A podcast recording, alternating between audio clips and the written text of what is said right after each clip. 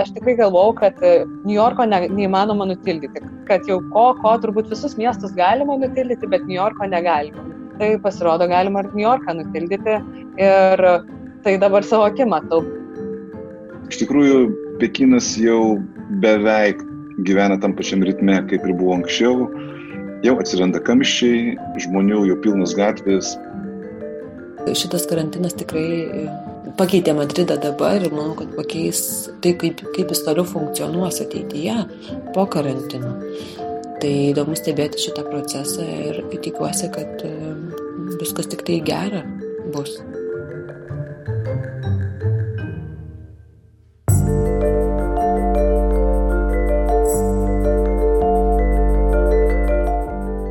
Ačiū, kad įsijungėte Nailo podcastą. Jį kūrė žurnalistų kolektyvas Nunuk. Aš esu Karolis Vyšniauskas. Jūs girdite antrąją epizodo Lietuviai pandemiją išgyvenantys svetur dalį.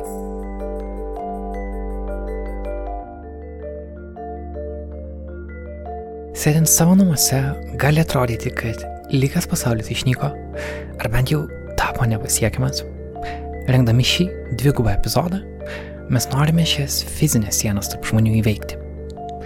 Šį kartą mes skambiname klausytojams į Kiniją, New Yorką, Portugaliją, Ispaniją, Junktinę karalystę ir Irako Kurdistaną, kad išgirstume, kaip su COVID-19 kovoja jų šalis. Kas yra bendro, o kas yra visai kitaip. Gero klausimo. Tai esu Tomas Ivanauskas, Lietuvos kultūros ataše Kinijoje ir Pietų Korejoje. Ir kuriam mieste tu esi e, įsikūręs? Pekine. Kinija buvo šalis, kurioje koronavirusas ir prasidėjo, bet bent jau Pekino mieste, kuriame gyvena 24 milijonai žmonių, kasdienybė pamažu grįžta į savo vėžes. Žinoma, kasdienybė Pekine gerokai skiriasi nuo tų laisvių, prie kurių mes esame įpratę Europoje. Tomas Ivanauskas savo pasakojimą pradeda nuo vasario 12-osios - kinų naujųjų metų. Situacija iš tikrųjų buvo labai labai palanki, nes, kaip žinia, pati svarbiausia kinų šventė yra nauji metai. Aš tikslių skaičių aišku nežinau, kiek iš Pekino išvažiuoja žmonių, bet aš manau, kokių, nežinau, 60-70 procentų gali būti tikrai Nes mes specialiai pasilikom čia per kinų naujus metus tam, kad pamatyt, kaip ištuštėja miestas. Nes mums visi apie tai kalbėjo, kad tai, tai yra unikalu. Dinksta visi kamščiai. Na, tiesiog žmonių gatvėse nebelieka, užsidaro visos parduotuvės. Vieni mus gazino, kad jūs prisipirkit maisto, nes niekas nedirbs, nes visi išvažiuos. Aišku, taip nebuvo, kai kurios parduotuvės dirbo, bet, bet iš tikrųjų miestas buvo tuščias. Ir supranti, ir, ir tada atėjo šitas, šitas virusas ir valdžiai buvo pakankamai lengva sukontroliuoti viską, nes žmonių čia nebuvo. Aišku, buvo pagrindinis tikslas išsaugoti, apsaugoti Pekiną, Šakajų, tos pagrindinius miestus e, kurie tuo metu buvo tušti. Tai dėl to viskas buvo labai labai paprasta padaryti, ir, nes žmonių tiesiog nebuvo. Ir jų, kai prasidėjo virusas, jų nebeįleidinėjo į Pekiną, Jūs įleidinėjo palaipsniui, e, tikrino, e, karantinavo ir tada prasėdė 14 dienų kažkur tai, tada tave įleidžia į miestą. Ir taip palaipsniui tas miestas pildėsi, pildėsi, pildėsi. Apskritai Pekinė ir visoje Kinijoje labai lengva ta žmonių kontrolė. Aš jau nekalbu apie, apie, apie telefonus, kameras ir taip toliau, kur, kur tikrai valdžia žino, ką tu veiki, kur tu buvai, kur tu esi, ką tu pirkai, nes, nes, nes, nes viskas, pagrindiniai atsiskaitimai, viskas, viskas vyksta telefonu per porą, porą programėlių. Tai, tai jiem yra labai labai lengva kontroliuoti. Jeigu tu buvai ten su kažkokiu apkrestu žmogum, viskas, prasme, tave, tave, tave irgi tikrina. Ir plus visos namų bendruomenės, taip vadinamieji kompoundai, jie yra uždari nėra taip kaip pas mus rajonas, tarkim, kokie žirmūnai arba, nu, bet koks rajonas. Jis yra didžiulis ir jis yra atviras, tu jo nu, niekaip nesukontroliuosi, tu jo neaptversi tvorą. O čia viskas yra aptverta, į kiekvieną rajoną yra vieni varteliai arba maksimum dviejai. Tarkim, mūsų, mūsų rajonas, mūsų rajonėlis, šitam rajonėliui priklauso tik tai vienas namas, yra, yra, yra du varteliai Ir viskas, uždarė vienus vartus, o per kitus kiekvieną kartą vyksta kontrolė, e, temperatūros matavimas, neįleidžia visiškai pašalinių žmonių į, į namus. Jeigu tu užsakai maistą ar šiaip kažkokias prekes, tai jas pristato iki vartų, padeda, tau paskambina, tu ateini, pasiemi ir viskas. Kiekvieniem e, žmonėm ir gyventojim yra išdalinti lapukai, kad tu čia gyveni, kad tu nesi pašalinis ir viskas. Ir kiekvieną kartą, net iki šiol, tu ateini, nors tuos apsauginius tu jau senai pažįsti, jie jau tavo draugai beveik yra, tu kiekvieną dieną su jais sveikinės, bet jie vis tiek kontroliuoja, prašo tavęs to lapelio, matuoja temperatūrą ir tik tada gali įeiti. Tai, kad geriau suprastumėm, tu nori nusipirkti duonos parduotuviai. Tu išeini iš namų, galbūt įsėdi į metro, jeigu reikia kažkur toliau nuvažiuoti kažkokiu reikalu. Kur tave tikrina? Kiek, kiek kartų tave tikrina? Tave tikrina visur ta prasme, absoliučiai visur. Kiekviena parduotuvė e, turi po žmogų, kuris matuoja temperatūrą. Yra tie, aš net nežinau, kaip jie vadinasi, labai, labai modernūs ter termometrai, kurie arba į kaktą matuoja, arba į ranką matuoja Aha. tavo šilumą. E, dabar, pavyzdžiui, net atsirado parduotuvėse, vat, visai šalia mūsų namų yra vienoje parduotuvėje E, tavo veidą nuskanuoja ir tas, nežinau, kažkoks ten termometras su kamera, jis yra prijungtas prie kompiuterio ir tau iš karto parodo, tau parodo tavo veidą ir parodo e, tavo temperatūrą. Ir pasako gerai arba blogai. Sako, hao, tai reiškia gerai, užsidega žalia švieselė ir viskas, ir tu praeini. O kai kuriuose parduotuvėse net yra specialūs sąrašai, e, tu turi užpildyti lentelę, tu įrašai savo telefono numerį, savo vardą, tam, kad jeigu buvo žmonių užsikrėtusių, tam, kad jie žinotų, kas dar buvo tuo metu, kad, kad, kad jie turėtų tavo duomenys. Prasme, tikrina visur - metro, įėjimuose į parkus, į kiekvieną parduotuvę, kaip sakiau, na, tiesiog visur. Ar tau tai padeda jaustis saugiau, ar tai tave varo iš proto, nes tu negali būti vienas tiesiog? Ne, žinok, tai jeigu nori būti vienas, tai ateini į namus ir pabūni vienas. Ir, ir, ir ne, man, man, man, manęs tai tikrai nevaro iš protų ir, ir aš labai pateisinu tas priemonės, nes... Tu jauties saugesnis dėl to. Jo, tai nor, nor, nor, norint suvaldyti šitą, šitą virusą, kuris neaišku, kaip, ta prasme, na, aišku, kaip jis sklinda, bet, bet, bet labai daug buvo e, įvairių nuomonių apie jį, kad va, pakils temperatūra ir jis žus, kad dar kažkas, dar kažkas, bet, bet mes kaip matom, kad tas virusas jis puikiai adaptuojasi ir šiltuose kraštuose, ir toj pačioj Ispanijoje, net ir Afrikoje, ir visur kitur, ir jam nebaisiniai temperatūra, na, nebent galbūt plus 30. Žodžiu, toks neprognozuojamas virusas, tai tam, kad jį sustabdyti, tai reikia ir priemonių, iš, tik, iš tikrųjų griežtų priemonių. Aha. Šiuo metu Kinijoje yra mažiau viruso patvirtintų atvejų negu JAV ir atrodo, kad e, greitai šitie, šitie skaičiai na, truputį auga, bet ne taip, kaip jie augo pačioje pradžioje.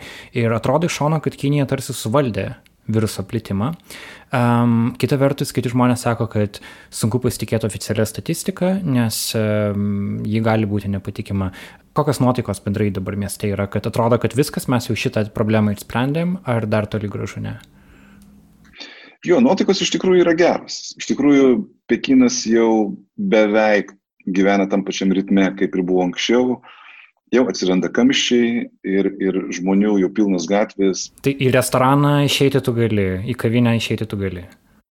E, ne visi restoranai dar atidaryti, e, daugelis kavinių taip, jau atsidarė kirpyklos, e, ten visokie grožio salonai, na, dar, dar masažai neatsidarė.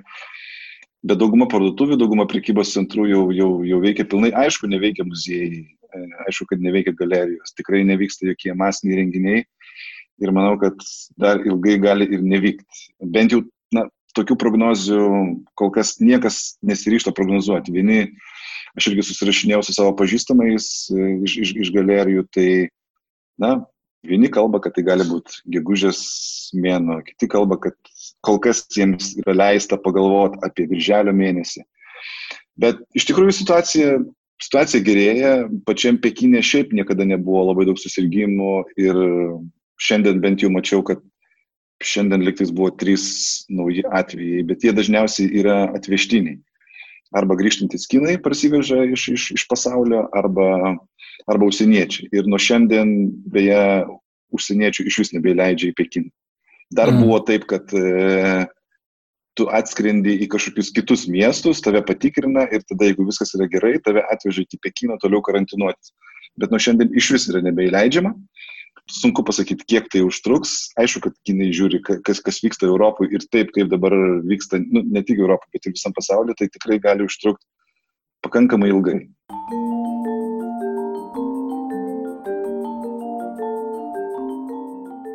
It's going to disappear. One day it's like a miracle, it will disappear. And from our shores, we've, you know, it could get worse before it gets better. It could maybe go away. We'll see what happens. Nobody really knows. Šiuo metu pasaulyje daugiausia koronavirusų užsikrėtusių žmonių yra Junktinėse valstijose. Ir beveik pusė jų yra New Yorko valstijoje. Mes paskambinome podcast'o bendra autoriai Indrei Kiršaitį, kuri šiuo metu gyvena New York'e kad sužinotume naujienas. Dar sausio gale kartu su Inre buvome New Yorko valstijos šiaurėje, ėmėme interviu iš Linos Iškelytės, rekomenduoju paklausyti tą epizodą, jei to dar nepadarėte. Dabar taip, kolegiškai dirbti kartu kol kas yra neįmanoma. Tai labas. Labas. Smagu tave matyti. matyti po kelių mėnesių. Ar čia jau miestas už pro tavo langą girdisi? Jo, pro langą, nes atidarytas langas, tai, bet aš nežinau, aš galiu gal uždaryti ar, ar, ar, ar nieko. Aš manau, kad visai smagu jį palikti. Taip jausimės, kad galim šiek tiek pakeliauti, nes atsimenu, tada, kai dar sausio gale mes keliavom po New Yorką, atrodė, kad taip viskas pasiranka pasiekiama, tiesiog nusipirki bilietą ir atskrendi, jeigu tik turi susitaupęs pinigų ir dabar staiga viskas atrodo labai labai toli. Tikrai taip, ir, ir pasiekti daug sunkiau ir apskritai nelabai yra ką veikti čia. Ir, ir dėl to. Kaip atrodo miestas dabar? Nes New Yorką visi pamena kaip miestą, kuris, uh, net jeigu tu nesiem nesibuvęs, žinai, yra įvaizdis, kaip šis miestas atrodo, kad jame yra nuolatos pilna žmonių, nuolat pilna taksi automobilių, e, nuolat kažkas vyksta. Ir jis iš tikrųjų toks ir yra, bet šiuo metu, šiuo metu įsivaizduoju, kad viskas yra sustoję. Kaip atrodo vaizdas pro pro, pro langą? Ar, ar yra žmonių gatvėje? Tikrai miestas visiškai yra nutilęs, galima sakyti, labai mažai mašinų pravažiuoja, mažai ir žmonių. Miestas toksai truputėlį vaiduoklis. Ir man pačiai labai keista visą tai matyti, kai ką tik viskas buvo visiškai kitaip, jis buvo pilnas veiksmo, pilnas žmonių, o dabar išėjus pasivaikščiot po gatves, viskas uždaryta, uždarytos parduotuvės, uždaryti muziejai, uždaryti barai, um, žmonės sėdi namie ir aš pati, aš tikrai galvau, kad New Yorko ne, neįmanoma nutildyti. Kažkokią tokią viduje turėjau tokią mintį, kad jau ko, ko turbūt visus miestus galima nutildyti, bet New Yorko negalima. Tai pasirodo, galima ir New Yorką nutildyti. Ir tai dabar savo akim matau, bet pasirodo, ne, čia ne pirmas kartas, kada New Yorkas yra nutildytas, nes buvo istorijoje ir kitų, kitų įvykių, e, dėl ko buvo nutilęs miestas. Tai pavyzdžiui, e, buvo labai didelė pūga 2010 metais, kur ten neįmanoma buvo praeiti, buvo po labai daug metrų prisnigę, arba po uragano Sandy lygiai taip pat buvo miestas nutilęs po 9-11, tai buvo ir daugiau to atveju, tai ir New Yorką įmanoma užtildyti ir tai matosi. Virusas keičia Junktinių valstybių veidą. Ši šalis žinoma kaip kapitalizmo sostinė. Kad jeigu tu neturi pinigų, tai suprask, tu pats esi kaltas. Bet šiomis dienomis viskas yra kiek kitaip. Prasidėjus pandemijai, jau daugiau nei 3 milijonai amerikiečių informavo, kad jie neteko darbo. Tiek bedarbių JAV nebuvo niekada, nuo kada ši statistika yra vedama. Kad pagerintų ekonomiką, JAV prezidentas ir kongresas ėmėsi liktol neįsivaizduojamų veiksmų. Praktiškai kiekvienam JAV gyventojui bus išmokamas vienkartinis 1200 dolerių atlyginimas ir taip pat papildomi pinigai bus skirti verslams, ligoninėms, taip pat ir pavyzdžiui oro linijų kompanijoms. Įmamasi ir kitų priemonių, kad tik pavyktų sušvelninti viruso pasiekmes. Indrė pasakoja apie tai. Pavyzdžiui, New Yorko valstijoje yra ir kitų tokių paramų, kurios e, padeda truputėlį e, žmonėm. Tai pavyzdžiui, gubernatorius Komo leido atidėti nuomos mokėjimą gyventojams, New Yorko valstijos gyventojams 90 dienų. Tai reiškia, kad per dabar, kai žmonės neteko darbo, jie neturi už ką susimokėti net e, kur gyventi, jie neišės į gatvę, tai atidėjo šitą, šitą dalyką. Taip pat dabar negalima iškeldinti nuomininkų Jeigu jie nesusimoka, negalima iškeldinti nuomininkų. Tiesiog yra toksai ir lygiai taip pat e, reikalavimas yra toksai um, galvoju, kokie dar palengvinimų. Nu, turbūt tiek į galvą kol kas. Kyla. Mm, bet tai vis tiek yra, yra labai svarbus, uh, svarbus sprendimai ir JAV dabar yra tarp pačių mm, gyventojų toks susiskaldimas dėl sveikatos sistemos, kokia jinai turėtų būti ateityje ir didelė dalis gyventojų sako, kad reikėtų ją padaryti mm, universalę, visuotinę, panašiai kaip e, daugelį Europos šalių. Pavyzdžiui, Bernie Sanders e, visa platforma, tai yra kaip pagrindinė jo idėja, kad mes turime turėti visuotinę sveikatos sistemą, o ne privačią, kokią dabar turi amerikiečiai. Ir šitas virusas parodo, būtų kaip argumentas, kodėl reikia visuotinės, nes jeigu bent vienas žmogus uh, yra susirgęs ir jis laisvai gali apkrėsti kitus ir tada tu tavo privati sveikatos e, sistema vis tiek tave net netaip išgelbės. Tai žinai, uh, man įdomu, ar yra apie tai kalbama, ar tu manai, kad gali tai būti, kad virusas gali atnešti, pakeisti ją visuomenę, ta prasme, kad visi, žinai, staiga supras, okei, okay, mums reikia geresnės sveikatos sistemos, nes tai liečia visus. Ar, ar apie tai yra kalbama, ką apie tai galvoji?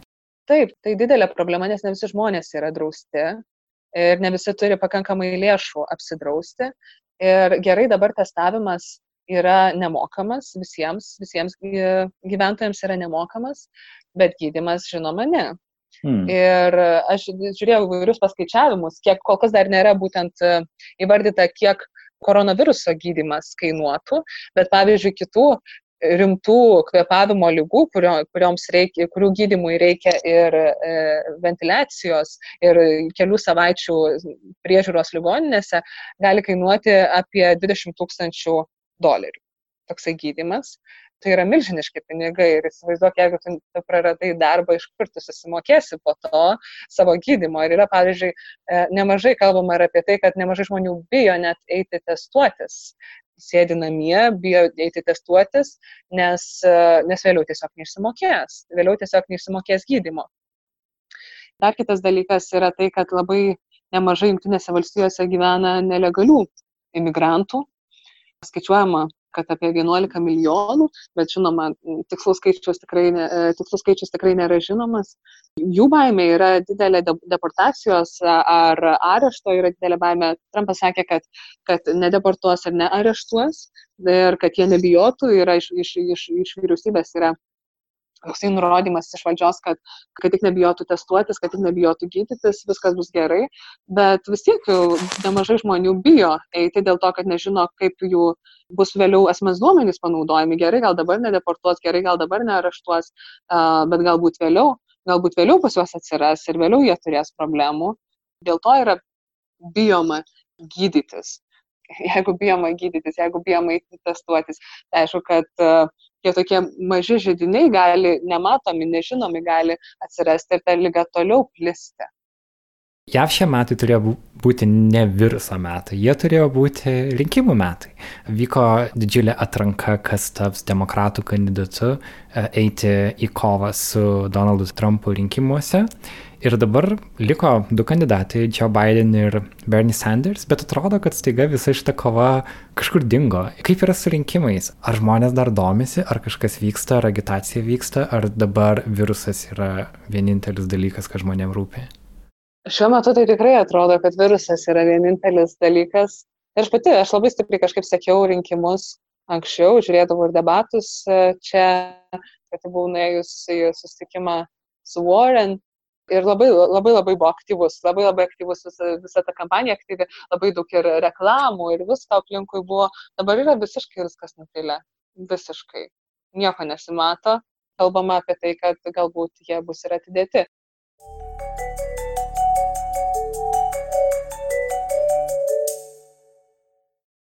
Tęsėme epizodą ir čia turime prisijungimą iš Ispanijos, iš Madrido.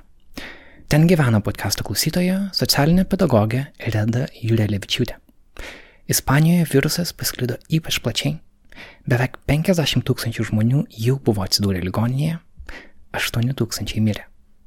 Kaip atsaka į tai, Madridas, Ispanijos sostinė, įvedė vienas griežčiausių karantino taisyklių pasaulyje. Reda pasakoja apie tai savo balso žinutėje. Madridas tikrai didelis miestas su daug žmonių, daug veiksmo ir bendravimo dabar atrodo visai kitaip. Iš tikrųjų, gatvės pustuštės, mažai žmonių, mažiau ir to bendravimo gatvėse. niekur eiti negalima, niekur važiuoti negalima, vaikų žaidimo aikštelės, parkai, vėjos, aptvertos top juosta, galima tik tai eiti į maisto prekių parduotuvę, į vaistinę ir tai tik tai po vieną, po du, po tris, po penkis tikrai negalima judėti ir to policija galėtų sustabdyti ir skirti baudą. Um, negalima ir tu, tu toli nuo namų nutolti. Aš tarkim turiu du šunis ir išeinu į lauką, tai šunys atlieka gamtinius reikalus ir mes keliaujam namo. Žinau netgi atveju, kuomet vyriškis sustabdytas paprašus dokumentų ir juos pateikus paaiškėjo, kad jis yra nutolęs nuo namų gal 2 km ir policija skiria jam baudą, nes vaikščioti, vedžioti šunų taip pat negalima. Tai žodžiu, judėjimas yra labai pribotas ir kartu su tuo pribotas ir bendravimas. Bet bendravimas persikelia truputėlį kitą erdvę, tai yra į namų erdvę.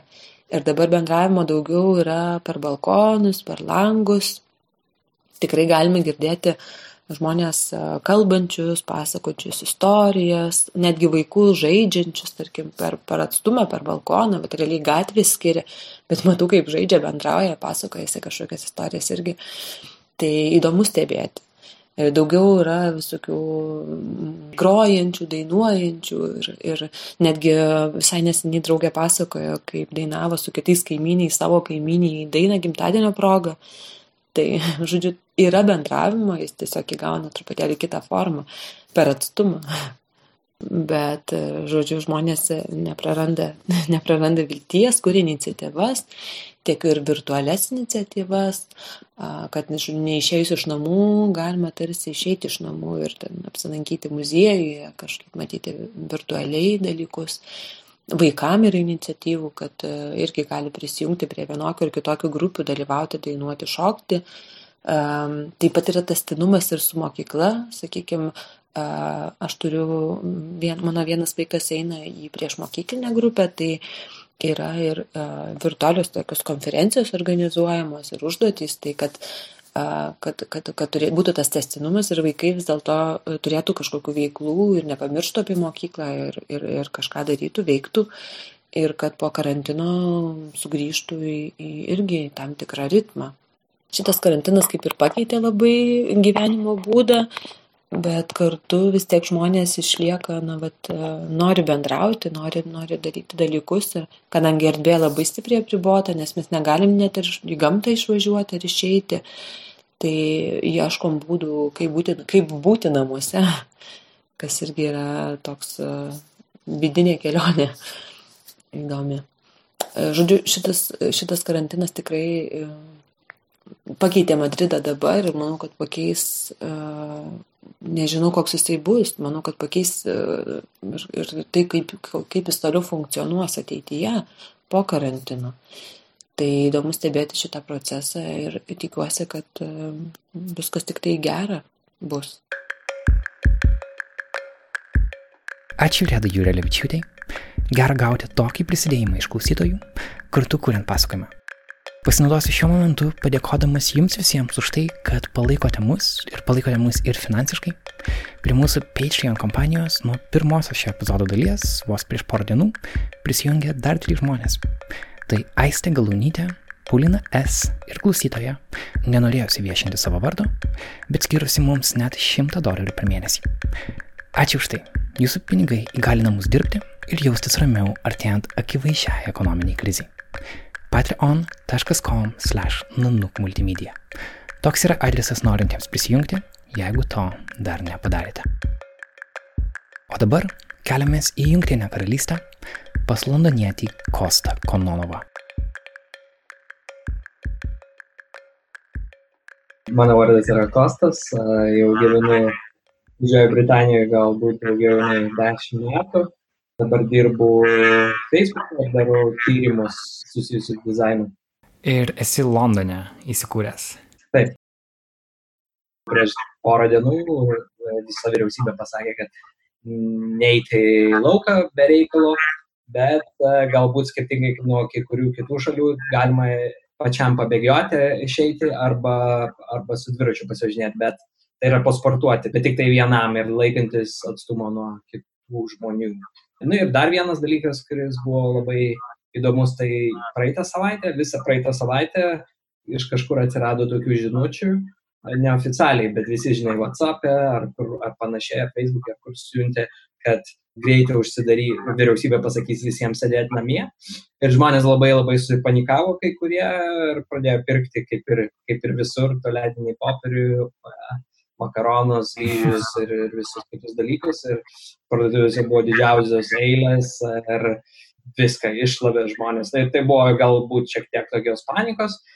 Dar, dar vienas dalykas yra įdomus, kadangi praeitą savaitgalį dar nebuvo šalis kaip uždaryta, važiavau pasivažinėti dviračiu ir, ir iš, aišku, dažniausiai iš Londono išvažiuoju, grįžti, žinai, ten e, po kažkiek valandų ir aš grįžau pro vieną didžiausią parką Londone, tai jis vadinasi Richmondo parkas ir buvo didžiausias kamštis, kokį aš esu matęs per visą savo gyvenimą Londone, net geriausią vasaros dieną tiek žmonių ten nebuvo, nes visi turėjo tokią idėją, kad reikia važiuoti į parką, kadangi parke yra daug vietos, toli gali būti nuo žmonių ir visi restoranai ir tokios panašios vietos jau buvo uždarytos ir buvo didžiausias kamštis tiesiog žmonės susigrūdė ir vyriausybė pasakė, kad gal nevarykit į parkus taip, už, uždarė eismą į parkus ir sakė tik tai arba su dviračiu, arba, arba pešiom. Tai, tai buvo šiek tiek tokia va, panika galbūt irgi. Iš tikrųjų, kai aš pirmom karantino dienom išvažiavau į Vingio parką su dviračiu irgi pamačiau panašų vaizdą, atrodo, kad staiga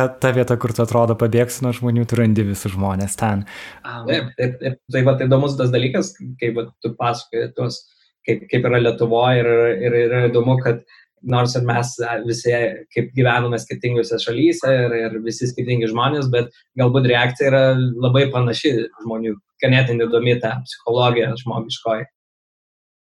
Pavyzdžiui, mums sako, jeigu kažkas susirga, tai tu turi sėdėti namuose ir mes netestuosim tavęs ir net neskambink į ligoninę. Čia svarbus momentas, apie kurį kalbama ir Lietuvoje. Net jeigu tu užsikrėti koronavirusu, bet turi tik lengvus simptomus, iš tavęs tikimasi, kad virusu prasirksi ramiai namuose, su niekuo nesustikdamas. Į ligoninę vežami tik sunkia būklė pasiekę pacientai, nes kitaip ligoninės būtų perpildytos. Tokia sistema yra Lietuvoje, Tokia ji ir Junktinėje karalystėje. Aš turiu pažįstamų, kurie serga, netgi vieną daktarę iš Lietuvos, kuri šeimos gydytoja, kuri, kuri serga ir jiem tiesiog pasakė, kad e, tiesiog lik namie ir nebent jeigu jau bus labai blogai, tada skambinti. Wow, o tai kaip tavo pažįstami reaguoja į tokį, tokią rekomendaciją? Tu tiesiog turi tarsi leisti savo kūnui pačiam šitą lygą išgydyti. Jo, Tai aš turiu porą draugų, aš turiu draugų Portugalijai, kurie jau baigė prasirgti. Aišku, aš suprantu, kad lyga gali visiškai skirtingai pasireikšti, bet tarkim jų atveju ir dažniausiai jaunų žmonių atveju sunkiai nesarga žmonės tą lygą. Bet blogiausias dalykas dėl lygos yra, kad tu ją gali perduoti vyresnė amžiaus žmonėm ir jie tada gali susirgti. Tai čia yra tas blogiausias dalykas. Dėl to ir sakoma, kad e, sėdėk namuose, niekur neeik, kai turi kokius nors simptomus. Ir jie praeis tau tikriausiai. Nu, 9 procentai, žinai, ten ar, ar, ar 99,5 pagal statistiką tarp žmonių, kuriem nuo, nuo, nuo tos paauglystės iki kiam metų jiem, jie nesusirgs sunkiai. Tai va tie va draugai, portugalai beje, tai jie jau antrą savaitę sėdi namuose ir jau jiem praėjo. Tai yra visiškai puikiai jaučiasi ir jie dirbo netgi kasdieną, bet, bet vieno draugo draugė turėjo šiek tiek temperatūros ir koslio, bet net lengviau praėjo nei gripas. Tai, yra. tai, tai va, vienintelis tas dalykas. Dėl to ir ligoninė negalėtų jiems padėti ir nėra skirtumo, ar tas žmogus žino ar nežino, ar jie ten serga ar ne, jam vis tiek sako, sėdėk namuose. Ganėtinai, aš sakyčiau, vyriausybė labiau sako, tau tikriausiai viskas bus gerai, netgi jeigu tu susirgsi, bet neužkrėsk vyresnio amžiaus žmonių. Tai yra tavo pareiga kaip žmogaus gyvenančio šioje vyriausybėje. Tai va, tai ir aš turiu porą pažįstumų, aišku, kurie jau serga tą lygą ir, ir taip ir yra, bet, um, bet aišku, kartais paskaitai internete, kad yra, žinai, ir blogesnių dalykų ir blogai baigėsi ir jaunesnio amžiaus, žinai, žmonėms. Mm. Bet jaučiu, kad tu gan optimistiškai žiūri, kad bent jau tu pats atrodo nepanikuoji, atrodo visai ramiai nusteikę šiuo metu, bent jau iš pokalbio jaučiu tokią nuotaiką.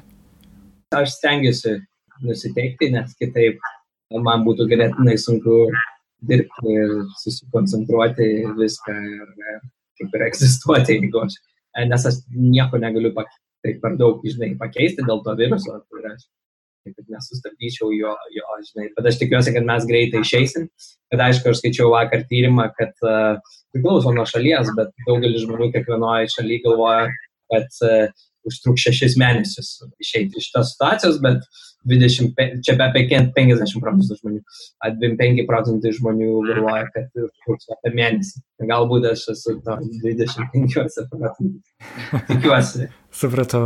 Tai, okei, okay, sėkmės tada, sėkmės tęsant tą mėnesį ar šešis mėnesius ir ačiū labai už prisijungimą, Kostai, tuomet. Ja, ačiū Jums ir sėkmės.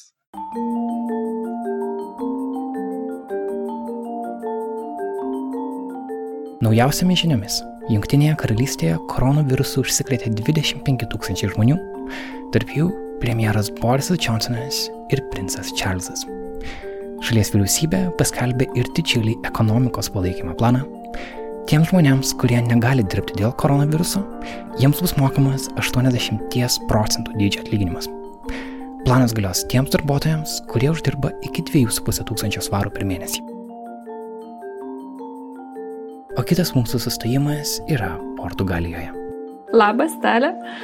Labas, Martina. Kai kovo pradžioje mūsų pašnekovė Dale skrido į Lisaboną, ji planavo ten pabūti trumpam, bet aplinkybės privertė ją čia pasilikti. Kolegė Martina Šulskutė su Dale susiskambino praėjusios savaitės pabaigoje. Esu Dale, atvykau į Lisaboną kovo antrą dieną dariau tokią mini pauzę tarp savo darbų. Aš e, dirbu Mogide ir Mo kaip tik keičia parodą kovo mėnesį ir galvoju, o, valio, pabūsiu šiltoj šalyje. Ir va taip susiklosti, kad aš čia pabūsiu ilgiau e, gerokai negu planavau, nes aš planavau atvykti kovo antrą, pabūti porą savaičių ir skristi atgal į Lietuvą. O kol čia būnu, tai aš tiesiog tiesiu savo šiaip įprastus darbus. Moku vokiečių kalbos ir e, verčiu, darau vertimus. Mhm. Ir tada dabar jau galim atsigręžti į pačią Portugaliją, nes iš Portugalijos gal net šiek tiek, nu tikrai šiek tiek e, mažiau informacijos patenka į Lietuvos, nu tą spaudą, viešą erdvę. Didesnis dėmesys sutelktas į Italiją, į Junktinės valstijas. Portugalija toks tarsi Europos kampas, bet vis dėlto galų gale arti Ispanijos ir kitų šalių, kur tikrai tas virusas gan intensyviai plinta ir kokia ta Portugalijos situacija. Na, Portugalijos situacija kito e, ir kinta labai labai staiga, nes aš kai atskridau kovo antrą dieną, tai e, Portugalijai berots nebuvo atveju, tada po poros dienų atsirado keli e, šiauriai Portugalijos sporto, na tai čia, vat, kiek čia, dvi savaitės, daugiau, trys, o dabar jau yra 3000. 3000 registruotų atvejų ir skaičiai kyla žaibiškai. Tai vad vakar um, buvo paskelbta nepaprastosios padėties kažkaip aukščiausia vos nestadija atsargumo, dėl to, kad skaičius pakilo per parą 30 procentų sergančiųjų. Tai, na, žiauri tendencija, bet kažkaip įmamasi tų veiksmų, aišku, ten ribojamas judėjimas, uždarytos kavinės, restoranai, na, apskritai visas paslaugas teikiančios kažkokios tai įstaigos yra uždarytos, labai pribotas judėjimas. Mano, vat, draugė vakar turėjo nugaros skausmų ir turėjo važiuoti pas gydytoją, tai važiavo taksi, taksi veža tik po vieną žmogų, nedaugiau, čia mhm. irgi tokia apsauginė priemonė. Pasirodo, automobilius stabdo policija ir tikrina ir klausia, kur jūs važiuojat, ar turite rimtą priežastį kažkur važiuoti.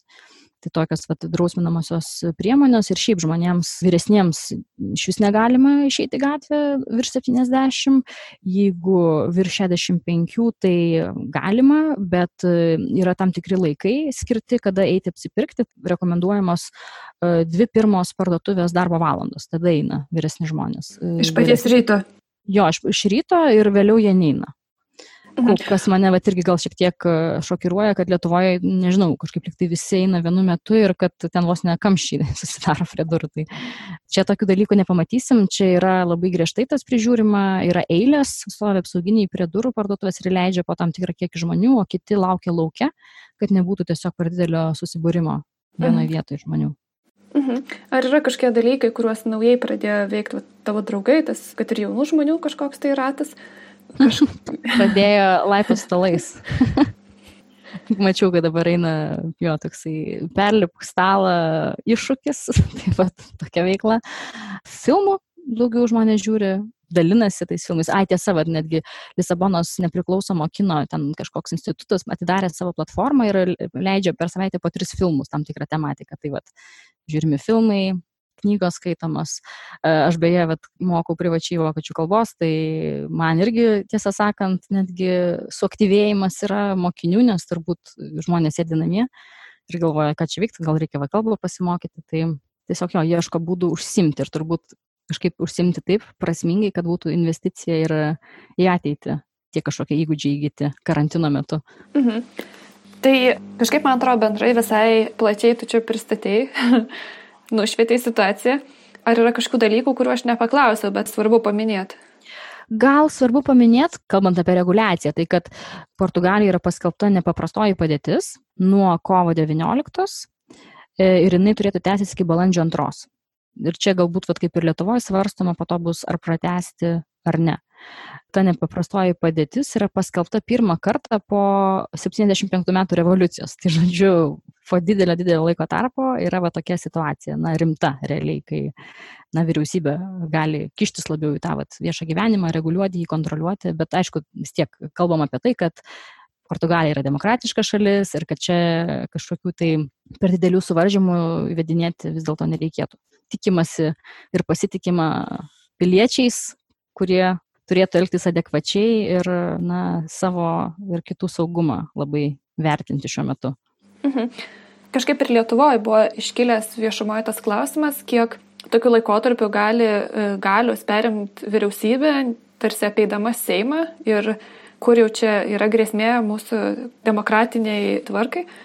Turbūt čia kažkaip skamba panašiai, kad vis dėlto nors yra gyvenimas varžomas, bet žmonės lieka kažkaip sąmoningi galvoti apie tai, kad jie privalo išlaikyti tas tiesiog demokratinės savybės savo visuomenės. Taip, ir čia nežinau, yra tam ir rizikos, nes turbūt reiktų tikėtis, kad vat, visi elgsis sąmoningai, bet nežinau, vis dar pasigirsta ten kokią nors teoriją apie tai, kokia čia konspiracija, kad čia iš tikrųjų yra, e, nežinau, vos nes išgalvotas tas virusas, visokių žmonių visai būna pasisako, bet, e, na, aš tai vis tiek džiaugiuosi, kadangi va, esu Portugalijoje ir man aktualu, kad aš galėčiau išeiti lauką, tai aš džiaugiuosi, kad nėra tokios situacijos kaip Ispanijoje ar Italijoje, kur tikrai labai griežtai prižiūri ir kur ten gali gauti nuobaudas. Tai Portugalijoje, kaip, pavyzdžiui, kažkokių finansinių nuobaudų, administracinių nėra dar jeigu, tarkim, tave sustabdo gatvėje ir paklausia, ką tu darai, kur tu eini ir tu kažkokio galbūt neturi pasiruošęs įtikinamo atsakymo, tai tau tiesiog mm, policininkai pasakys, paaiškins, na, tokios edukacinės labiau pastabos, bet ne jokių nuobaudų kol kas nėra skiriama. Nes va irgi teko kalbėti su Paryžiuje gyvenančiu draugu, kuris jau sakė, sienom lipa, jau ne tik salais, bet ir sienom, nes tikrai niekur negalime išeiti. Reikia turėti pažymėjimą, jeigu dirbi kažkur ne iš namų, tik tada gali išeiti, o šiaip tai visiškai ne. Mhm. Tai Portugalija jo, yra laisviau gerokai. Mhm. Ar tu pati kalba portugalų spaudą ir medijas sėki kažkiek? Taip, na, aš portugalų kalbos nesu taip jau labai gerai valdžiusi, bet jo, užmetu akį, kažką bandau paskaityti, kiek pavyks išsiversti. Tokie tendencingi, tendencingi tie visi pranešimai, aišku, yra. Uh, Į kurią pusę kokios tendencijos? Na tai apie tai, kad vat, korona, kiek čia dar užtęsis, kiek susirgo, kiek dar susirgs, kokios prevencinės priemonės, ką reiškia nepaprastoji padėtis, kiek laiko viskas tęsis, tokios einamosios aktualijos. Ir, ir tai vis kažkaip dubliuojasi ir aplikuojasi, tai aš tiesą sakant, net ganėtinai sąmoningai dabar truputėlį privengiu gal skaityti tiek daug, nes tiesiog, na, man nuo to tikrai nebus geriau, kad aš sužinosiu, kad mirė dar 50 žmonių arba kad užsikrėtė dar tūkstantis. Stengiuosi elgtis adekvačiai, bet kartu ir na, palaikyti ir tą emocinį kažkokį tai upą, nes užsidepresuoti ir, nežinau, sulysti į lovą, užsikloti penkiais sluoksniais yra paprasta, man atrodo, tokiam aplinkybėm, tai aš kaip tik galvoju, kad reikia galbūt priešingai elgtis ir truputėlį tą žinių srautą, ypač nuo to viso negatyvo, šiek tiek irgi apsiriboti. Mhm. Ačiū tau už tokias naujienas, kasdienės naujienas iš Portugalijos. Tai ačiū tau labai, buvo smagu pasidalinti. Smagu buvo paklausyti, geros tau sveikatos ir geros nuotaikos. Tau irgi. Kalbėti apie koronavirusą yra sudėtinga, nes situacija gali keistis kiekvieną dieną.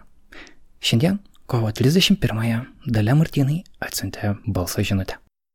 Sveika. E, tai, ką tau kalbėjau per interviu, žinok, situacija pasikeitė. Mes šiandien buvom išėję pasivaikščioti palei upę, kur aš paprastai bėgu bėgiot. Tai buvo užtverta viskas ir policija patruliavo mm, tiesiog, nu, labai e, išplėsti apribojimai, kur galima eiti. E, pasirodo, jau net nu, ant saliukų sėdėti jau negalima. Tai žodžiu, labai sugriežtino. Vakar dar buvo galima, šiandien jau nebe.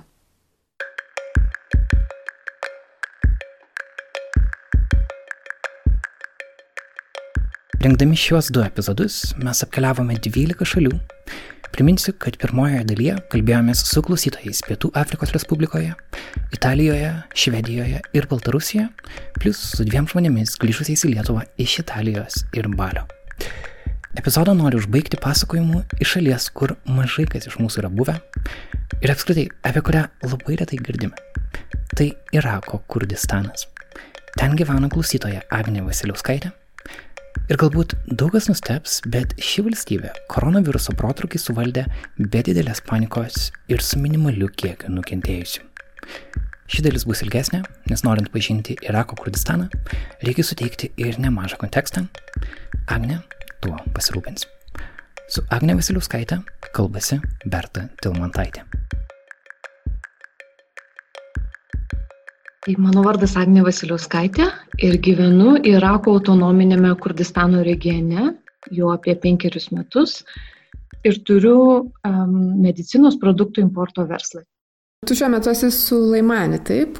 Čia, kiek skaičiau, kovo pirmą buvo pirmasis atvejis koronaviruso paskelbtas. Gal gali trumpai papasakoti apie tai, kaip iki tol ir po to vystėsi viskas, kokia, kokia yra situacija? Taip, gyvenu Sulemanijos mieste, kuriame yra apie vienas milijonas gyventojų, o ir šiaip reiktų gal paminėti, kad um, Irake gyvena 38 milijonai ir apie 11 procentų, tai yra 5 milijonai, gyvena autonominėme Kurdistano regione, kuris turi savo savivaldą. Ir ta savivalda šiuo atveju irgi visiškai skirtingai yra bandoma suvaldyti virusas. Irake, arabiškoje Irako dalyje ir Kurdistano autonominėme regione imamasi skirtingų priemonių, kadangi yra skirtingos e, vyriausybės vykdo ir nusprendžia dėl priemonių. Bet konkrečiai e, Kurdistanas irgi turi sieną su Iranu. Ir virusas pradžioje atėjo iš Irano, dabar jau yra įvežtas kitų atveju ir iš Ispanijos. Reiktų pradėti nuo to, kad Irane oficialiai Nes mes aišku žinom, kad Iranas labai duomenys slepia, bet oficialiai Iranas vasario 19 paskelbė savo pirmąjį koronaviruso atvejį. Ir tada labai greitai, nuo vasario 22, e, Kurdistano vyriausybė nusprendė karantinuoti visus grįžusius iš Irano, o daugiausia kelionės vyksta autobusu per sausumos sieną, karantinuoti visus privalomai grįžusius 14 dienų viešbučiuose. Ir dar po kelių dienų, 25 vasario, iš viso uždarė sienos su Iranu, ypač verslui, pervežimam, sunkvežimėm ir taip toliau, liko tik tai siena su Turkija verslui atvira dalinai. Ir skelbiama, kad mm, jau apie 5200 žmonių buvo likščiol e, karantinų uždaryti viešbučiuose 14 dienų, iš kurių 3500 išleisti namo aišku, po testavimo du kartus dėl koronaviruso su neigiamu atsakymu išleisti.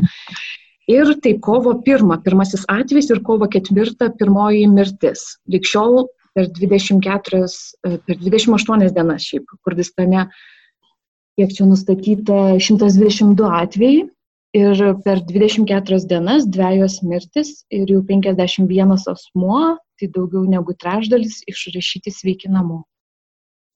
Mhm. O gali papasakoti apie tos skirtumus, kurie yra Irake ir autonominiam Kurdistano regione?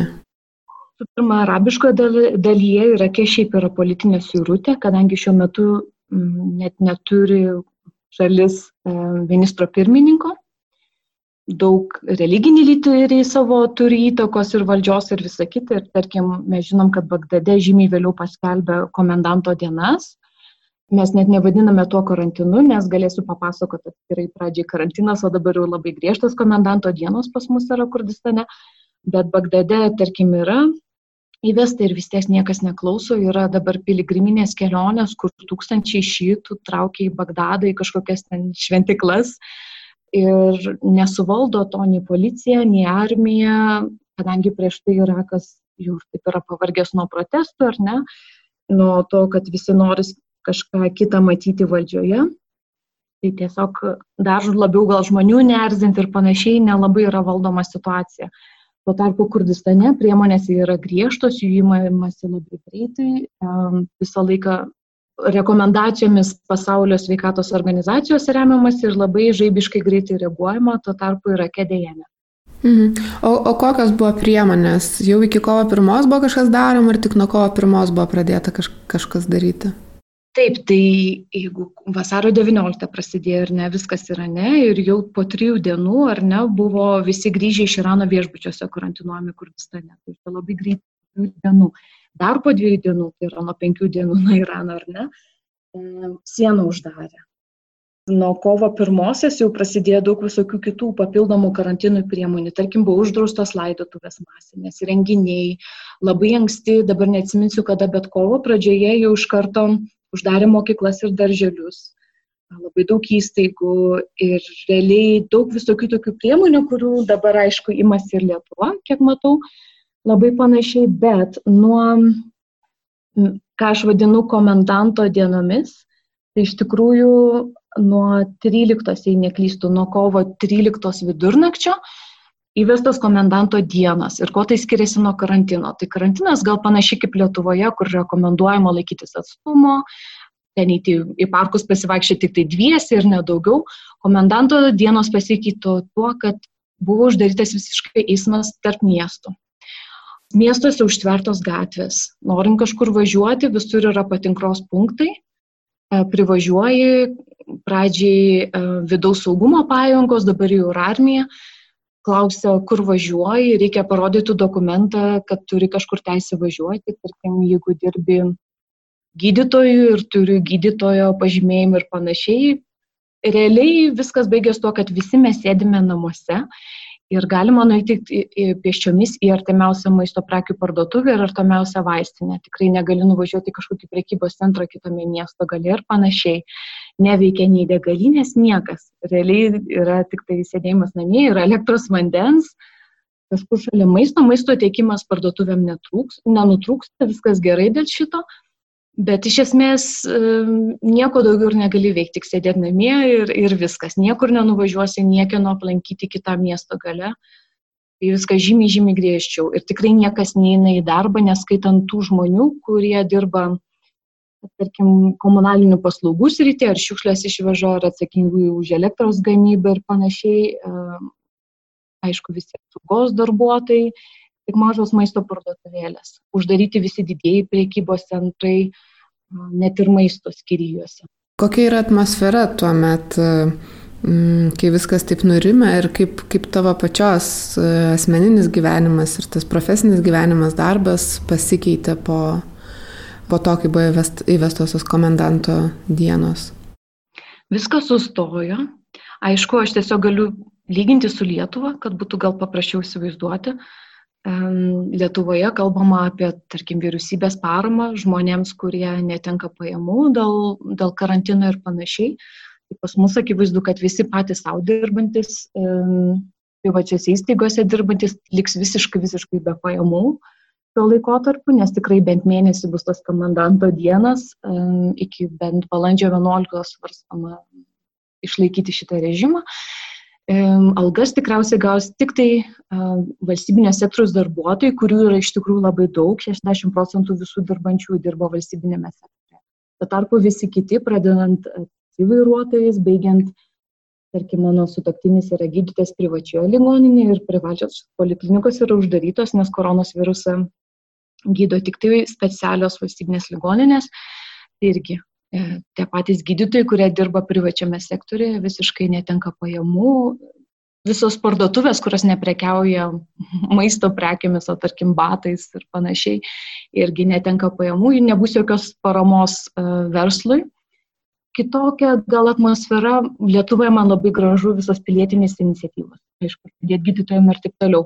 Pas mus nėra to poreikio, nes tikrai netrūksta nieko, nei gydytojams, nei kaukių, nei, nei pirštinių, nei, nei dezinfekcinės kyčio, netrūksta niekur visą laiką buvo pilna, niekada netrūko, visko yra ko įsigyti, nėra ko ir padėti iš tikrųjų. Bet nėra ir kažkokio bendrumo, susivienimo, žmonės tiesiog sėdi namie, kiekvienas kažkaip individualiai savo laiką leidžia. Matau tik didžiulį skirtumą tarp to, kokie skandalai kilo Lietuvoje, sugrįžusiais iš užsienio ir su privalomu jų karantinavimu viešbučiuose. Tai nieko panašaus nebuvo, nebuvo jokio pasipriešinimo, atvirkščiai buvo socialinėse medijose buvo galima rasti vaizdo įrašų, kaip žmonės kažką veikia, šoka, dainuoja liaudės dainas, užsidarė viešbučiuose, nebuvo kažkokio tokio negatyvaus šurmulio. Ir atitinkamai nebuvo tada ir susipriešinimo visuomenėje, kad kažkas nenori nuotis ir kažką tada reikės iš kitų mokesčių mokėtų pinigų gydyti ligoninėse. Tai tiesiog labai ramiai žmonės iš esmės tik tai dėl pinigų pergyvena ne tiek viruso bijo, kiek supranta, kad labai ilgam galbūt neteko pajamų.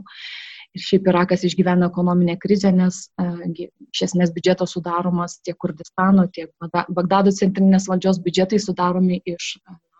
Ir apie 90 procentų pajamų sudaro eksportas, naftos ir dujų eksporto pajamos. Kadangi šiuo metu nafta ir dujos pasaulinėje rinkoje yra labai labai atpigusios, Tai iš esmės mes suprantam, kad ateina ir gili ekonominė krizė Irake.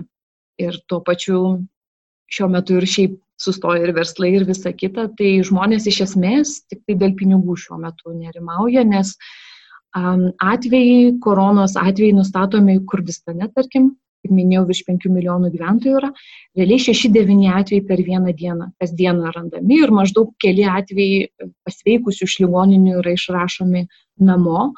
Tai nėra tokius, tokios baisios statistikos kur, kaip Europoje, kur daug miršta, daug atvejų nustatoma, kadangi čia yra gana suvaldyta situacija. Tai lygos kaip žmonės nebebijo, bet bijo to, kad e, su, pajama, su pajamomis bus prastai. Mhm. O situacija buvo su, šitaip suvaldyta ir, ir, ir nėra to protrukio dėl to, kad buvo anksti ir labai greitai imtasi priemonių, kaip suprantu, taip? Aš manau, kad pirmoji pati sėkmingiausia priemonė buvo tai, kad buvo akivaizdu, kad korona atkeliaus iš Irano. Ir kadangi taip greit uždarė sieną ir iš karto visus grįžusius iš Irano karantinavo privalomai su apsauga viešbučiuose, nemokamai, kaip ir Lietuvoje, su maitinimu 14 dienų. Ir manau, kad va, šitoje vietoje ir buvo teisingiausias žingsnis, nes apie 5200 žmonių pabuvojo viešbučiuose, dauguma jų ir po to jų testai parodė, buvo neigiami ir jie neturėjo koronos viruso. Tai čia buvo gal teisingiausias žingsnis ir tikrai sienos uždarimas su Iranu. Kitas didesnis atvejis, kuomet vienas mažas miestelis užsikrėtė, tai žmogus grįžo iš Ispanijos ir iš Ispanijos irgi parvežė virusą. Bet iš esmės labai anksti buvo imtasi priemonių. Tarkim, jau po paties pirmojo atvejo patvirtinama, mano mieste Sulemanija kovo pirmąją ir matydami, kas dedasi Irane, kad jau tūkstančiai žmonės serga ir ligoninės perpildytos, iš karto po paties pirmojo atvejo, nelaukdami, kol tūkstančiai susirgs, buvo pradėta statyti ligoninį iš privačių lėšų, iš konteinerių ligoninė, tokia kaip mes matėme, kad Kinijoje buvo statomas. Tai per tris savaitės buvo pastatyta 25, man atrodo, vietų ligoninė. Ir dar nežinau, ar jau šiuo metu prireikė, bet bent jau pirmasis kelias savaitės jis stovėjo nenaudojama, nes buvo kita ligoninė mieste paskirta konkrečiai koronos gydimui ir niekam kitam. Mhm. Mažą vietinę ligoninę konvertavo į koronos e, gydimo ligoninę. Tai man tai įspūdį irgi labai padarė, kad dar tik pirmasis atvejis, kad dar nėra masinių susirgymų ir jau stato papildomą ligoninę. Kai tarkim mes matėm, kad santariškių santarų klinikų infekcinių lygų priimamasis buvo perpildytas ir kiek ilgai truko, kol kažkas pradėjo statyti palapines, ar ne, kuriuose žmonės galėtų mažomis grupelėmis palaukti testų rezultatų. Čia jau iš karto buvo imtasi tokių priemonių. Mhm. O jūsų pačios, e, tavo pačios, e, kokia yra šeimoje, kaip jūs laikotės, kiek laiko neišeinat iš namų ir kokia yra va, nuotaika, nesakai, kad baimė yra dėl, dėl to, kad prarasit pajamas, kaip leidžiat šitą laiką ir, ir, ir kokios, kokios mintis yra ir kokie planai. Taip mes asmeniškai, kadangi esame jauni ir sveiki, tai būtumėm nieko prieš persirgti koroną ir įgyti imunitetą, kad ir tiem vieniems ar triems metams, kol atsiras masiniai kažkokie pasauliniai skiepai, dėl to, kad tiesiog būtų naudinga ir, ir nebijom kažkokių komplikacijų labai smarkiai. Bet mes vis tiek saugomės ir jau gal tris savaitės nesame matę vyresnių savo šeimos narių, dėl to, kad dar kol nebuvo komendanto dienos įvestos nuo 14 kovo, vis tiek mes jų, jų nelankėme, kad netyčia neužneštumėm užkratą, jeigu mes sergame ir nejaučiame jokių simptomų. O nuo 14 kovo tai tik tai namie sėdėm ir iš tikrųjų nematėm nuo to laiko nei jokių draugų, nei jokių šeimos narių, tai jau čia kuris laikas yra ir dar mažiausiai dvi savaitės truks tikriausiai tos griežtos komendanto dienos. Atsirado laiko, nežinau, kažkiek apsitvarkyti būti, kažką paskaityti, kažką pažiūrėti. Iš esmės gal ir gerai, nes labai daug kam truko laiko. Antra vertus, taip daug labai asmeninių planų su, sugriuvo, pradedant tuo, kad planavome atvažiuoti į Lietuvą keliom savaitėms gegužę ir daug visokių planų turėjom visi jie dingo, atšaukti, reiks kažkaip prisitaikyti ir mes tiesiog mastom, kadangi domimės mokslu ir medicina, tai tiesiog galvojam, kad čia labai greitai niekas taip akivaizdžiai nepasikeis. Ir net jeigu, tarkim, mes suprantam, kad Irako Kurdistane greičiausiai visai gerai ta koronos viruso situacija suvaldys, bet kas iš to, ji gali būti vėl įvežta. Šiuo metu visi oro uostai uždaryti ir sienos, bet realiai, tarkim, jeigu atveju labai labai čia smarkiai sumažės per artimiausią mėnesį, tai vis tiek kažkada atidarys oro uostus, vėl kažkas įveš. Tai vėlgi galvom, kad tik tai po metų, galbūt kai visame pasaulyje bus kažkokie visuotiniai skiepai, bus galima galvoti, kad kažkas labai smarkiai keisis ir vėl skrydžiai ir kelionės ir viskas grįž į normales vėžės. O mes bent jau metai į priekį įsivaizduom, kad bus vis tiek labai daug galbūt draudimų visame pasaulyje, tiek dėl masinių renginių, tiek dėl oruosuose veikla pasikeis daug, kur aš įsivaizduoju, kad daug šalių, kurios kaip ir čia greičiausiai anksčiau išsikapstys iš, iš prastos statistikos, vis tiek turės taikyti apribojimus, kad visiems atvažiausiam, pavyzdžiui, privaloma karantinuotis 14 dienų, kaip kad jau dabar Kinė tą daro. Įsivaizduoju, tiek metam į priekį gyvenimas keisis ir reikės peržiūrėti savo planus ir prisitaikyti. Tiesa, reiktų dar paminėti, kad šiais metais likome be naujųjų metų, nes Kurdų naujieji metai yra kovo 21. Ir jo labiau, kad dabar pavasaris, labai gražus oras. Ir pas mus tas yra griežtas labai komendanto režimas sėdėti namuose. Tai liko visi be naujųjų metų, o kurie tradiciškai švenčiami gamtoje, dideliuose susibūrimuose, deginant laužus ir panašiai. Ir um, aišku, valdžia numatė, kad visi bandys sukčiauti ir ištrūkti lauką. Tai mes gyvenom tokiam daugiabučių kvartale ir naujų metų dieną virš galvos kraitė ištisai straiktasparniai policijos, kurie stebėjo, matyti, iš, iš viršaus situaciją, kad nebūtų jokių susibūrimų laukia. Tai likome be naujų metų šventimo šį kartą. Namie šventė dviese. Visi, visi taip. Visiems tiesiog taip teko, kad aišku, kaimuose šiek tiek buvo gal kitaip, miestuose griežčiau, kaimuose gal žmonės tikrai galėjo kažkur į gamtą šalia išlysti, savo šeimos rate švesti, bet irgi buvo pasirodžiusių e, socialinėse medijose vaizdo įrašų, kaip net ir gamtoje išvaikomi iškilautojai policijos automobilius su kaukiančiomis sirenomis ir prašomi išsiskirsti. Net ir, net ir kaimo vietovėse bandė tą suvaldyti. Mhm. E, supratau, mano, aš daugiau klausimų kaip ir neturiu, nežinau, ar yra kažkas, ką norėtum pridėti, apie ką Dar norėčiau paminėti, prisimenu dėl sėkmės atveju ar ne, skirtingai nuo Lietuvos, labai skirtingai yra e, kitaip testuojama pati politika testavimo dėl koronos viruso. Per 500 tūkstančio testų per dieną Kurdistane atliekama ir tiesiog kitokie kriterijai, pavyzdžiui, žinau, kad Lietuvoje žmonės būna paskambina, praneša, kad turėjo neseniai kažkokių susitikimų ar santykių su, su žmogum, kuriam patvirtintas virusas, ar ne, vis tiek nebūtinai juos priima tirtis, sako, palauk, kol atsiras simptomai ir taip toliau.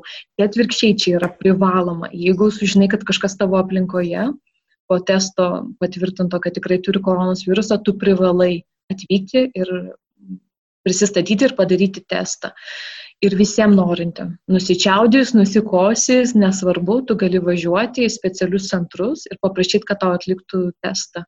Ir niekas nepasakys ne.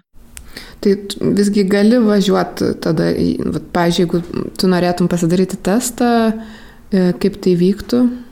Tai reiktų tiesiog, e, kadangi visi žino, kur konkrečiai važiuoti, yra viena oficiali tikrai didelė koronai skirta ligoninė, tenai ir tyrimus daro. Tiesiog važiuoji savo gatve iki sankryžos, jau pirmoje sankryžoje greičiausiai stovi patikros punktas su ginkluotom pajėgom ir jiems sakai, kur konkrečiai važiuos ir aš įsivaizduoju, kad jie tokiu atveju praleidžia ir važiuoja į tą centrą pasidaryti testą. Rezultatai būna gana greiti, ne taip kaip tarkim, JAV ar Vokietijai porą dienų laukia. Tai čia, nežinau, gal maksimum 12 valandų laukia atsakymą ir gauni. Tai iš esmės irgi, kad testuoja visus norinčius.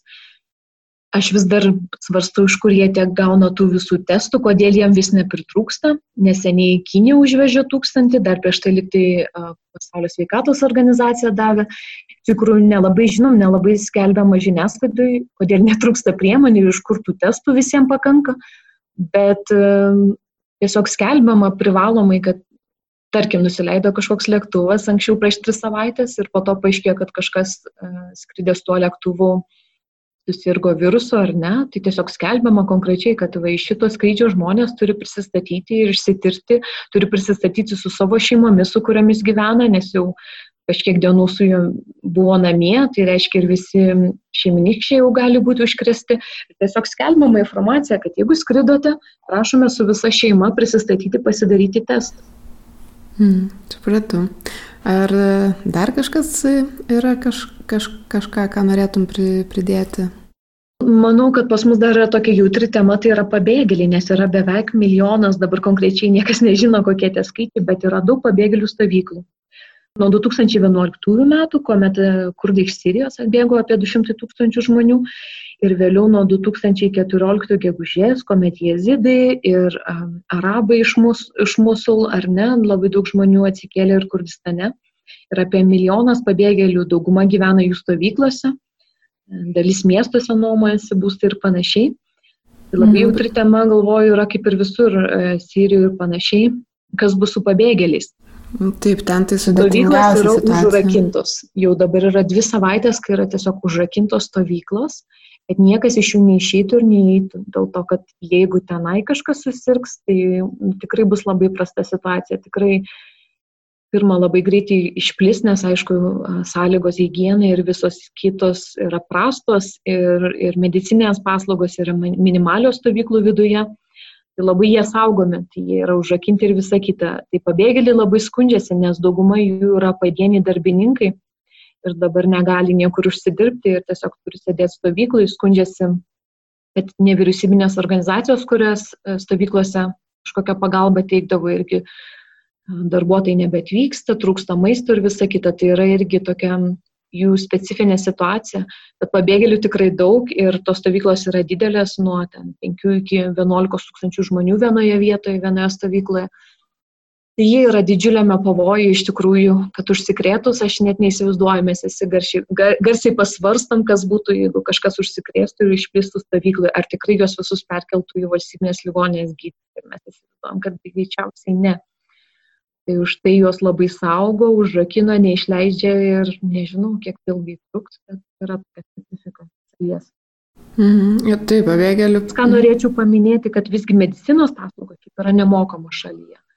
Tai šiuo atveju um, aš nežinau kaip JAV su visais tais privačiais draudimais ir visa kita, bet čia bent jau nereikia galvoti, kad kai atsidursi privačioje e, valstybinėje ligoninėje, kad tau reikės ar už testą susimokėti, ar už gydimą, Tai šito nėra. Tai irgi manau, kad žmonėm yra truputį lengviau psichologiškai tą priimti, negu šalise, kur galbūt reikia susimokėti. Pabėgėlių stovykla iš tikrųjų labai jautri tema visose šalise. vat, jeigu tenai kažkas atsitinka, jau tada visiškai sunku, sunku suvaldyti. Tai, nu, įdomu, nes šitas užrakinimas irgi toks tarsi sprendimas griežtas ir pažeidžiant galbūt žmonių teisės, bet e, iš kitos pusės mm, įdomu, kokios alternatyvos galėtų būti. Taip, iš esmės galbūt užrakinti dėl to, čia kalbant apie žmogus teisės, nes situacija iš tiesų yra labai komplikuota su to, kad oficialiai karas su Islamo valstybė baigės ir tie visi pabėgėliai turėtų grįžti į savo buvusias gyvenamasias vietas, bet jie atsisako. Bagdadas jau ilgą laiką visokiomis priemonėmis bando juos išstumti grįžti ar į musul gyventi, ar jezitus šingal vietovę, Irako šiaurėje ir panašiai. Ir tai daro visokiais brutaliais būdais, iš esmės uždarydami mokyklas jų vaikams stovyklose, kad žmonės galbūt tikrai iš nevilties, kad jų vaikai negauna išsilavinimo, kraustysis į arabišką Irako dalį atgal. Tai kadangi tie žmonės kaip ir atsisako išvykti iš stovyklų, nors juos ir verčia. Dabar irgi tokia yra situacija, kad Kurdistanas jų kaip ir nevaro varyti, Bagdadas kažkaip bando juos iš, išstumti, e, nelabai tas pavyksta.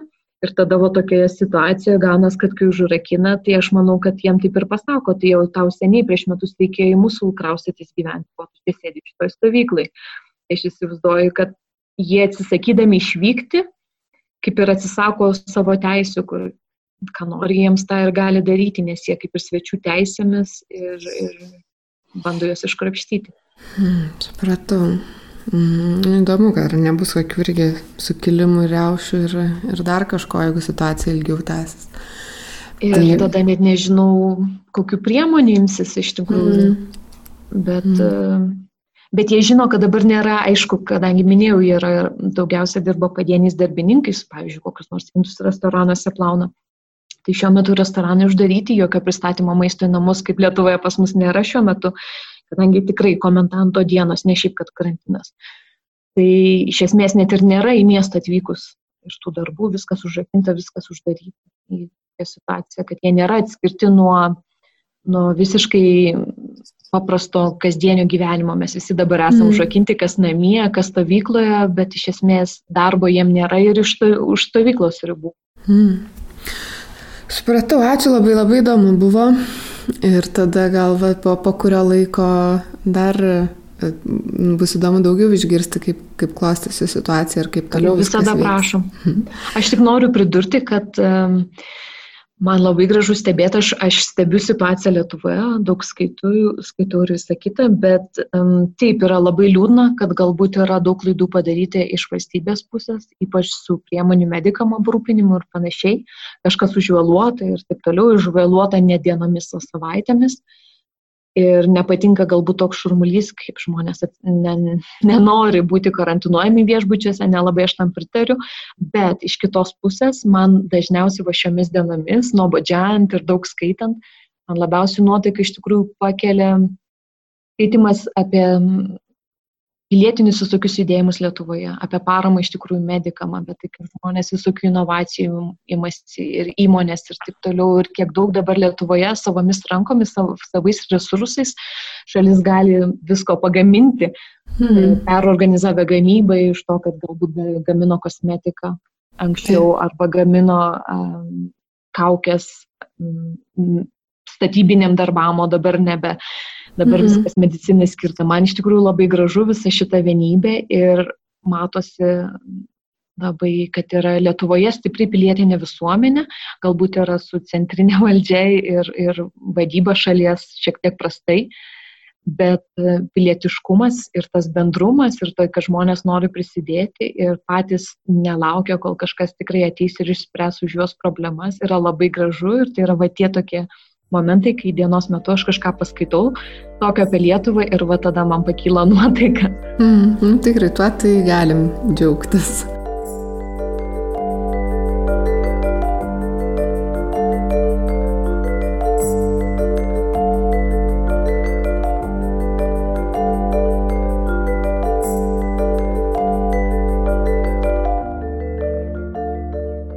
Toks mūsų epizodas šiandien.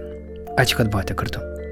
Jeigu jūsų šalis liko nepaliesta ir turite istorijų iš jos, parašykite mums į Nanuk Facebooką arba į Nanuk Instagram. mes pasistengsime jas įtraukti. Ačiū epizodo garso įrašų redaktoriai Katai Bitoft iš Martino Mašvido bibliotekos garso įrašų studijos. Taip pat kviečiame pamatyti visus mūsų pašnekovus. Kol negalime jų nufotografuoti, mes kvietėme atsiųsti savo selfies ir fotografijas iš tų miestų, kuriuose jie yra. Pavyko sukurti plačią fotogaleriją. Pamatykite ją NileLT ir Nanuk Instagram. Nuotraukų fotoredaktorius yra Artūras Morozovas. Podkasto muzikos kompozitorius yra Martinas Gailius, o epizodą montavau, redagavau ir večiau aš, Karolis Višniauskas. Mūsų 100 dolerių per mėnesį patronai yra Blossom Wood Foundation, patreon.com slash nanuk multimedia, toks yra adresas norintiems prisijungti. Nailo podcastą kuria žurnalistų kolektyvas Nanuk Vilniuje. Būkite sveiki ir palaikykite atstumą vis dar. Iki greito.